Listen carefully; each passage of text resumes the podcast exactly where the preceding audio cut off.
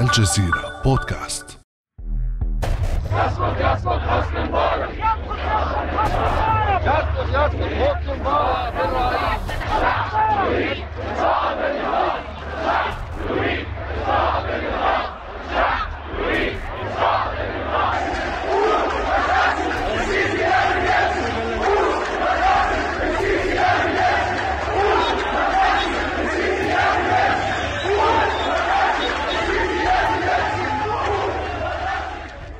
عشر سنوات مرت على دوي هتافات ثورة الخامس والعشرين من يناير في ميدان التحرير مقصد الجماهير التي كانت تزحف إليه بمليونيات مستمرة ونفير يتلوه نفير. أصبح اليوم وقد تبدل وجهه وتبددت رمزيته الثورية. تحيط به قوى الأمن وكاميرات المراقبة الموزعة في أرجائه. فيما تغيرت معالمه من ميدان للحشد إلى رقعة ذات تصميم جمالي فهل الهدف هو عدم حشد المتظاهرين إليه مجددا؟ يا يا الميدان كنت فين من زمان؟ معك غنينا ومعك شقينا وحاربنا خوفنا ودعينا. ايد واحدة نهار وليل ومفيش معاك. شيء مستحيل صوت الحرية بيجمعنا. ثورة الميدان رسخت في أذهان المصريين أمورا لن تتغير ولا يمكنها العودة إلى الوراء. فطعم الحرية والكرامة التي ذاقها المصريون في الخامس والعشرين من يناير باق في عقلهم الباطن. فيما تدور حولهم أمنيات وتجليات من وقت لآخر. فهل ينجح نظام السيسي في طمس مستقبل الثورة ومعالمها لسنوات قادمة؟ وهل تصمت الجماهير بينما أسباب الثورة قائمة؟ وفي الاتجاه الآخر ألا تعاني المعارضة المصرية من تشتت ومن غياب استراتيجية طويلة الأمد؟ وهل تشهد البلاد في 2021 احياء للحراك الثوري؟ أم ستظل المعارضة محلك سر بعد أمس من الجزيرة بودكاست أنا خديجة بن جنة.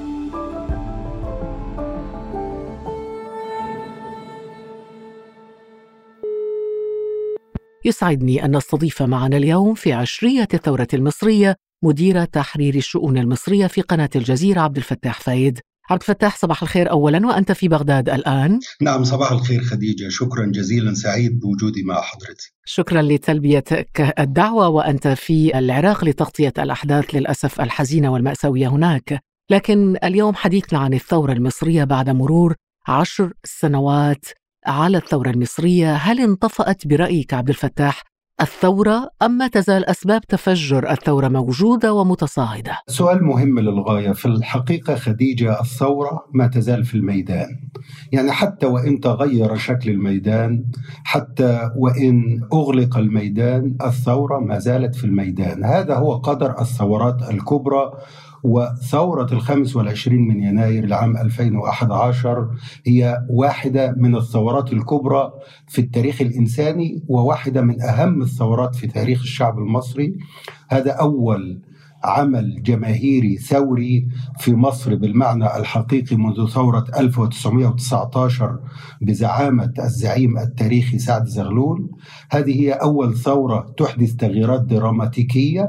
هذه أول ثورة في التاريخ المصري تطيح برؤساء وتقعد رؤساء وتحاكم رؤساء وتجلسهم على ظهورهم في قاعات المحاكمة.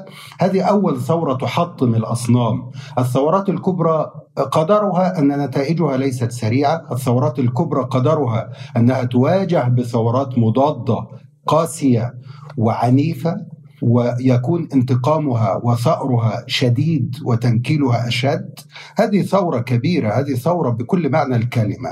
وبالتالي قد تضعف الثورة قد تمرض قد تواجه بالمؤامرات لكنها لا تموت. حتى الآن ما أحدثته ثورة الخامس والعشرين من يناير في الذهنية المصرية هو كبير للغاية على الرغم من القمع والتنكيل وإغلاق المجال العام ومصادرة الحريات. قد تكون الظروف الآن أسوأ من الظروف التي قامت من أجلها ثورة الخامس والعشرين من يناير وهذا أمر طبيعي لأن المقاومة للتغيير تكون أكثر قسوة مقاومة التغيير دائما تكون أكثر قسوة. الثورة المضادة في الحقيقة عملت على ثلاث رمزيات. وهي؟ التنكيل بثلاث رمزيات من رمزيات الثورة المصرية. رمزية المكان رمزية المكان ممثلة بميدان التحرير بعدما وقف المتظاهرون في الولايات المتحدة الأمريكية في وول ستريت يهتفون ويقولون قف كأنك مصري وتظاهر كأنك في ميدان التحرير فكان لابد من ضرب رمزية ميدان التحرير.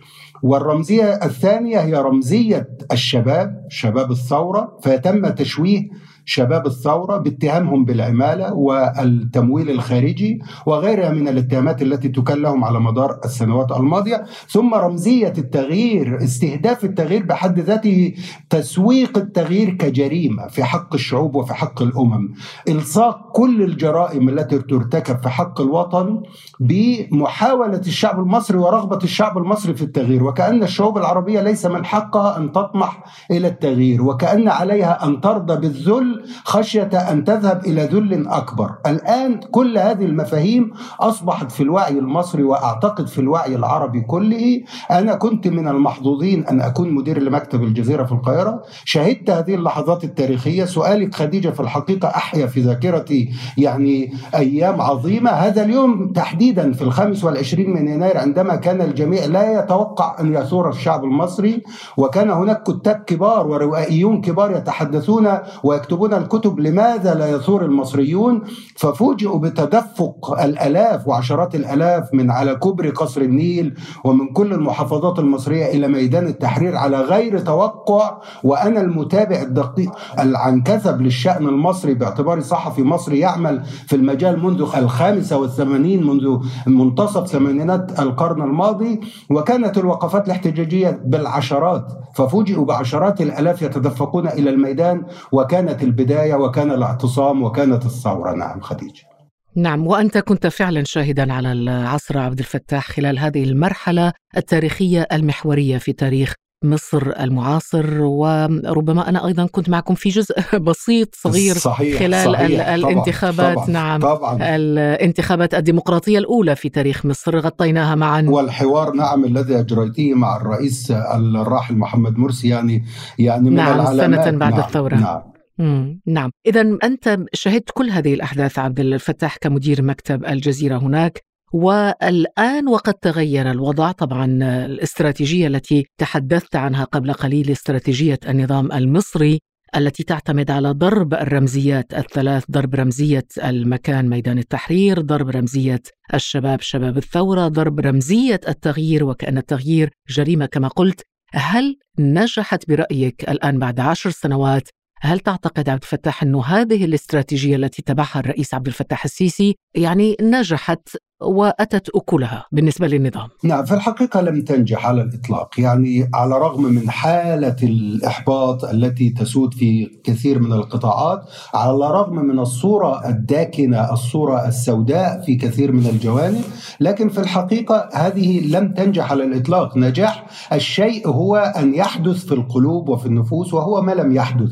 أكبر دليل لنأخذ دليلا ماديا على أن هذه لم تنجح على أن هذه المحاولات لضرب الثورة لم تنجح وأن الثورة ما تزال باقية في القلوب وفي الميادين. أكبر دليل على ذلك أنه لا يسمح بتجمع عشرات المصريين حتى ولو من أجل قضية مطلبية. لا يسمح بعودة الجماهير إلى ملاعب كرة القدم حتى الآن. لا يسمح بأي تجمعات من أي نوع حتى ولو كانت للخطابة في المؤتمرات. لا يسمح للأحزاب السياسية أن تعقد مؤتمراتها الجماهيرية والشعبية في المدن وفي القرى حتى ولو كانت أحزاب تعلن ولاءها للنظام ولاء تما ومطلقا لماذا؟ لأنه على يقين لأن الجميع على يقين أن الشعب ينتظر الفرصة وينتظر اللحظة وأنه غير مقتنع بكل المبررات التي تساق غير مقتنع بأن الثورة كانت خيانة كما يراد له أن يقنع غير مقتنع بأن التغيير جريمة غير مقتنع بأن شباب الثورة ملوثون وعملاء وممولون من الخارج غير مقتنع بأن التحرير هو رمز للشذوذ الشذوذ ورمز للبلطجة كما كان دائما يساق البلطجية إلى ميدان التحرير ليتم تشويه الميدان ورمزيته حتى من قبل أن يحدث التغيير في 2013 هذه كلها مؤشرات قوية وصلبة على أنه الجميع يدرك أن الثورة ما تزال حية. الثورة تنتظر فقط المتنفس لأن الثورات الشعبية لا تواجه الدبابات ولا تواجه ليس فقط لأنها غير قادرة ولكن لأن الشعب المصري هو حريص على بلده وعلى مؤسساته لا يريد أن يذهب بها إلى الفوضى. الشعب أكثر حرصا من النظام على ألا تذهب مصر إلى الفوضى وعلى ألا يدمر المجتمع المصري ولا تدمر بنيته ولا مؤسساته. أنا شخصيا أنا كصحفي ولا أعتبر نفسي صحفيا معارضا. أنا صحفي مستقل حريص على نزاهته أنا أول واحد يدافع عن بلده بل إن ما أتعرض له من الانتهاكات هو دفاعا عن بلدي وعن مؤسساتها وفي مقدمتها الجيش والشرطة الوطنية في في عن وطني وعن أمنه ومؤسساته وشعبه وعن مقدراته وعن كرامته وعن سيادته وعن موارده الاستراتيجية ممثلة في في كل حبة رمل من تراب مصر وعن حتى أمنه القومي حتى لو هدد في مياه النيل. عن عن كل هذه الجوانب من جوانب الأمن القومي المصري أكثر مما يدافع عنها من يتشدقون بالوطنية الكاذبه هذه كلها مؤشرات خديجة نعم. الآن عبد الفتاح هل ستتغير ربما الأوضاع مع رحيل إدارة دونالد ترامب الذي كان يعتبر السيسي دكتاتوره المفضل وقدوم إدارة أمريكية جديدة برئاسة جو بايدن؟ هل ستخلق الإدارة الأمريكية الجديدة ربما مساحات يعني أوسع الحرية للتحرك الجماهيري للضغط على النظام المصري فيما يتعلق بحقوق الإنسان والحريات السياسية؟ بالتأكيد خديجة يعني هذه نقطة مهمة للغاية لأنه لولا المجتمع الدولي والمجتمع الإقليمي لولا المعادلات السياسية الإقليمية والدولية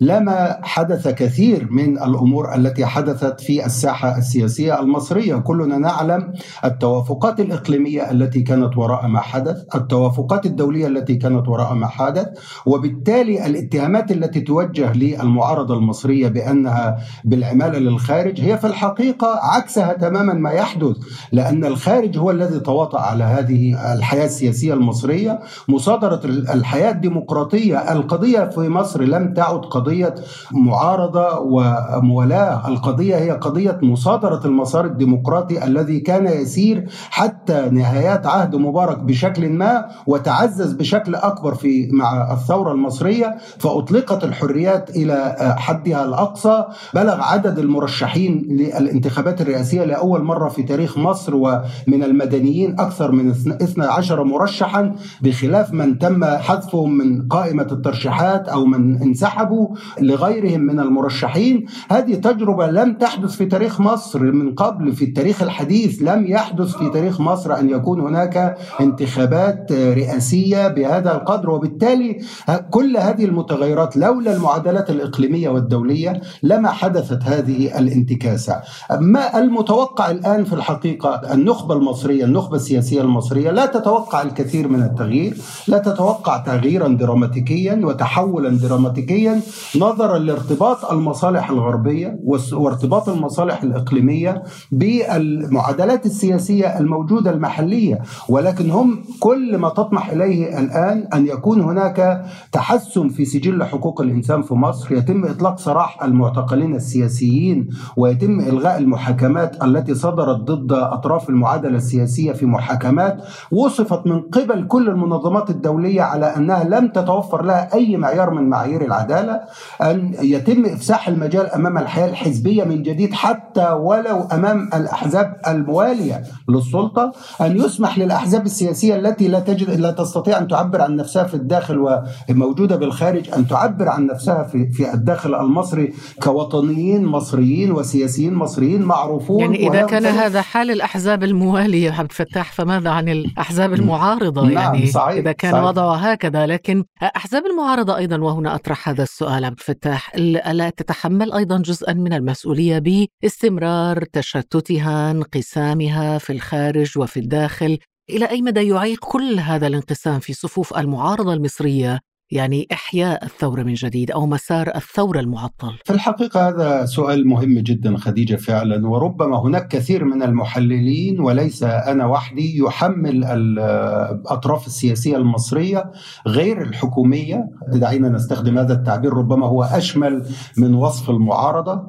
الأطراف المعادلة السياسية المصرية غير الحكومية يتحملون جانب كبير من المسؤولية عن استمرار هذا الوضع نظرا لحالة التشتت والتشرذم تبادل الاتهامات آه، فيما بينهم. مسألة العودة مرة أخرى خديجة إلى التخندق الحزبي وهو ما كان أحد أسباب قيام ثورة الخامس والعشرين من يناير هو إلغاء اللافتات الحزبية. وعدم رفع الشعارات الحزبية على الإطلاق والتوحد تحت راية واحدة هي راية مصر وعلم جمهورية مصر العربية. كان هذا القوى السياسية المصرية إلى الآن لا تدرك أن نجاحها في ثورة الخامس والعشرين من يناير كان هو تخليها عن لافتاتها الحزبية وانخراطها جميعا تحت علم مصر فقط. الآن بدأوا يدركون هذا ولكن للأسف الشديد بعد كثير من التشظي حتى داخل الحركة السياسية الواحدة وداخل الجماعة الواحدة وداخل الحزب الواحد أصبح هناك تفتت في هذه الحركات والأحزاب وتبادل الاتهامات فيما بينها والبعض الآخر. هذه الحالة هي بالفعل تتحمل إلى جانب آخر بعد آخر يتعلق بالقوى السياسية المصرية. أن كثير منها في الحقيقة رسب في الاختبار رسب في اختبار الحرية والديمقراطية. يعني كثير منها يتهم النظام بالفاشية ويتهم النظام بالاستئصال ويتهم النظام بالقمع وهو يمارس نفس هذه الآليات في داخل صفوفه هو شخصيا.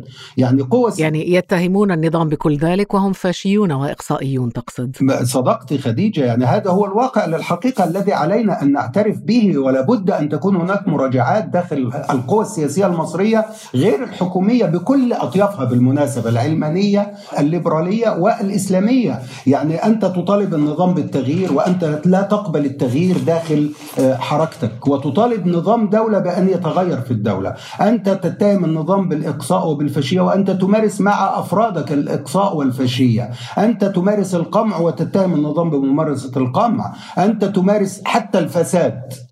حتى الفساد وأنا لدي كثير من الوقائع التي لا يمكن الإنسان أن يتحدث عنها. بصراحة حتى لا ننشر الغسيل يعني كما يقال يعني لكن حتى الإسلاميون. لكن عبد الفتاح لا بالعكس يعني هذه وقفة لنشر بالعكس الغسيل لأنه نقف الآن عند عشر سنوات بعد الثورة المصرية ولا بأس من نشر الغسيل أحيانا لتنظيف المشهد. هنا عندما تتحدث عن الفساد والإقصاء والفاشية وكل الأوصاف التي ذكرتها الآن تقصد أيضا الإسلاميين عبد الفتاح؟ بالتأكيد بالتأكيد. هم جزء منها وهذا الكلام لا يقال على لساني يقال على لسان قيادات من داخل صفوف الإسلاميين يخرجون وينشرون على حساباتهم على وسائل التواصل الاجتماعي وينشرون وينشرون في بيانات في الحقيقة عن فساد مستشري عن قمع عن إقصاء.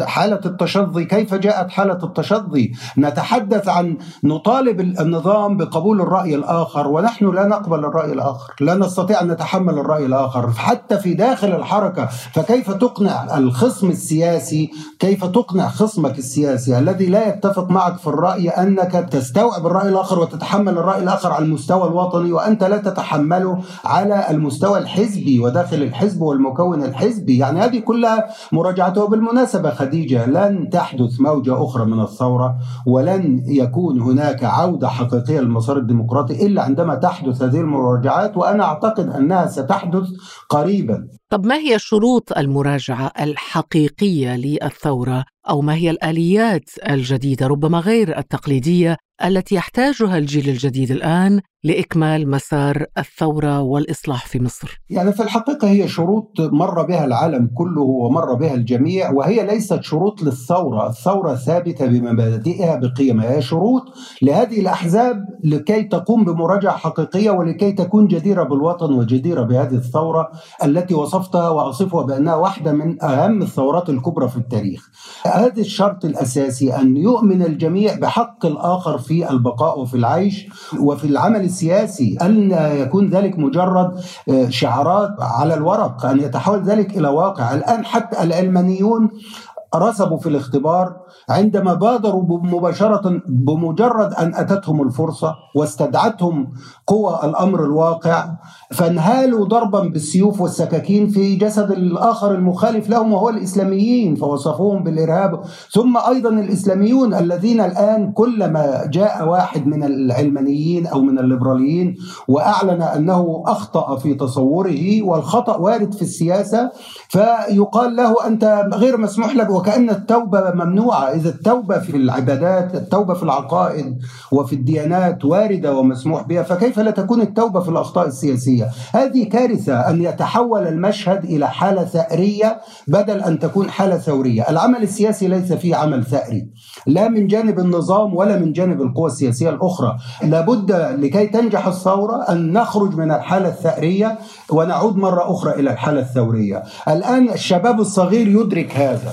بعيدا عن الثأر والانتقام. الشباب الصغير يدرك ذلك ولكن هذا الشباب هل يعني يستعمل لديه أدوات سياسية معينة، تكنولوجيا معينة، يعني أنا سمعت إنه مثلا التكنولوجيا خدمت الشباب كثيرا لأنه في اجتماعات تعقد عن طريق آلية زوم مثلا، اجتماعات خارج الرقابة الأمنية، هناك استثمار ربما من طرف شباب الثورة للمعطى السياسي الجديد في الولايات المتحدة الأمريكية بحيث إنه النظام السيسي بدأ يتوجس من الآن من قدوم إدارة جو بايدن. بالتأكيد خديجة وبدأ يتخذ إجراءات وإن كانت لم تصل إلى المستوى المطلوب في الحقيقة، بدا هناك عملية محاولة تخفيف، هناك الزيارة التي تمت مؤخرا قبل ربما أسبوع للسجون المصرية من قبل يعني عدد من مندوبي وسائل الإعلام الدولية وأيضا المنظمات الحقوقية للسجون ومحاولة إظهار الأمر على أنه في إطار الحفاظ على حقوق الإنسان وأيضا إطلاق سراح عدد من السجناء وإن لم يكن بالعدد المطلوب أو بالرمزيه المطلوبة ولكن هذه بدأت في الحقيقة.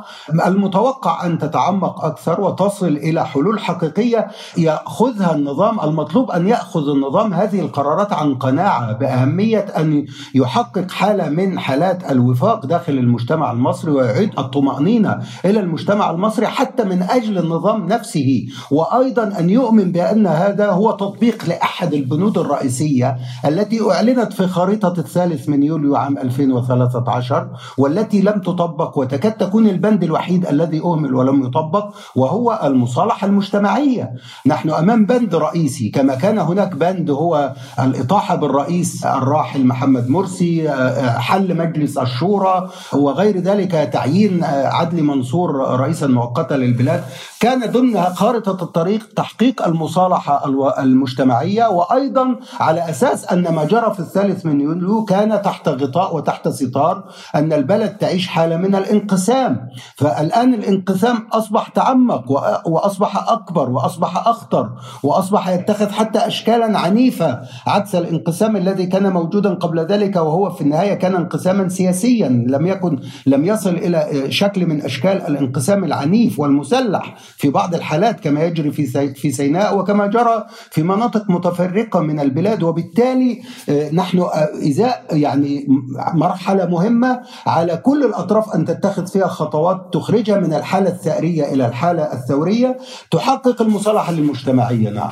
طب هذه المرحلة هل يمكن أن يعني تقرأ فيها أنت عبد الفتاح؟ ملامح استعادة روح 25 ثورة 25 يناير ربما لتعلن عن نفسها بقوة مرة أخرى؟ بالتأكيد استمرار إغلاق المجال العام استمرار مصادرة المسار الديمقراطي والمسار السياسي استمرار إغلاق باب الأمل في التغيير واعتبار التغيير جريمة أعتقد أن هذا إذا استمر وإذا لم تتداركه الأطراف السياسية المختلفة في مصر فإن هذا سيكون هو الشعلة الشرارة التي ستشعل جذوة الثورة من جديد جديد الثورة موجودة جذوتها مشتعلة لكن فقط تحتاج إلى الشرارة. وإذا استمرت هذه الحالة فمن المؤكد أن جزوة الثورة ستشتعل من جديد. وفي هذه الحالة ربما تتخذ شكلا آخر غير الشكل الذي كان موجودا في عام 2011 شكرا جزيلا لك عبد الفتاح فايد مدير تحرير الشؤون المصرية في قناة الجزيرة. يعطيك العافية. يعطيك العافية خديجة شكرا جزيلا وكل عام وأنتم بخير. والشعب المصري بخير. بألف خير وصحة والعالم إن شاء الله. شكرا جزيلا لك. كان هذا بعد أمس.